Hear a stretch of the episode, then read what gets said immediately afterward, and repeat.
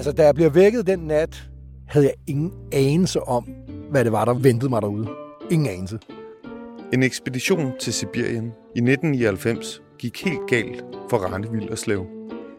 Det at ryge ned i tuberkuloseramt fængsel i Jakutsk ville være den mest heldige udgang. Altså, der ville være stor risiko for, at jeg ville blive slået ihjel bare i arresten. Han lagde sig ud med den russiske mafia og måtte flygte ud i ødemarken. På et tidspunkt kan jeg huske, sidder jeg uden foran af bjælkehytten der, ikke? og kigger ud over det her golde, frosne landskab og tænker, hvordan fanden kunne det komme hertil? Altså, hvordan, hvordan kan tingene gå så galt? Hvad har jeg haft gang i? Og endte på kanten af livet. Og nu ligger jeg bare og har smerter i mine arme og ben. Altså, de gør ondt.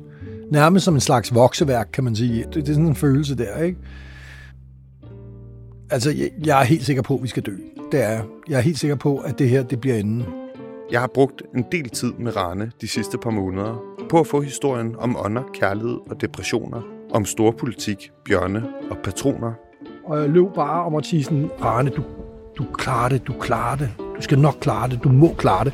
Altså, jeg var sgu på sammenbrudsrand, det var jeg nok. Og jeg kan se, altså, en, sådan en 100 meter fra mig, der kan jeg se en stor skygge, der står bag nogle pilekviste.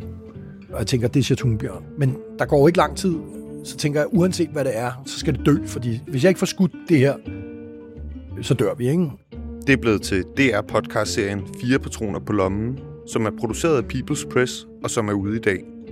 Du kan finde den der, hvor du hører podcast. Og så tager jeg altså min Leatherman-kniv, den der tang der, der er i foldekniven, ikke? Og flår tanden ud.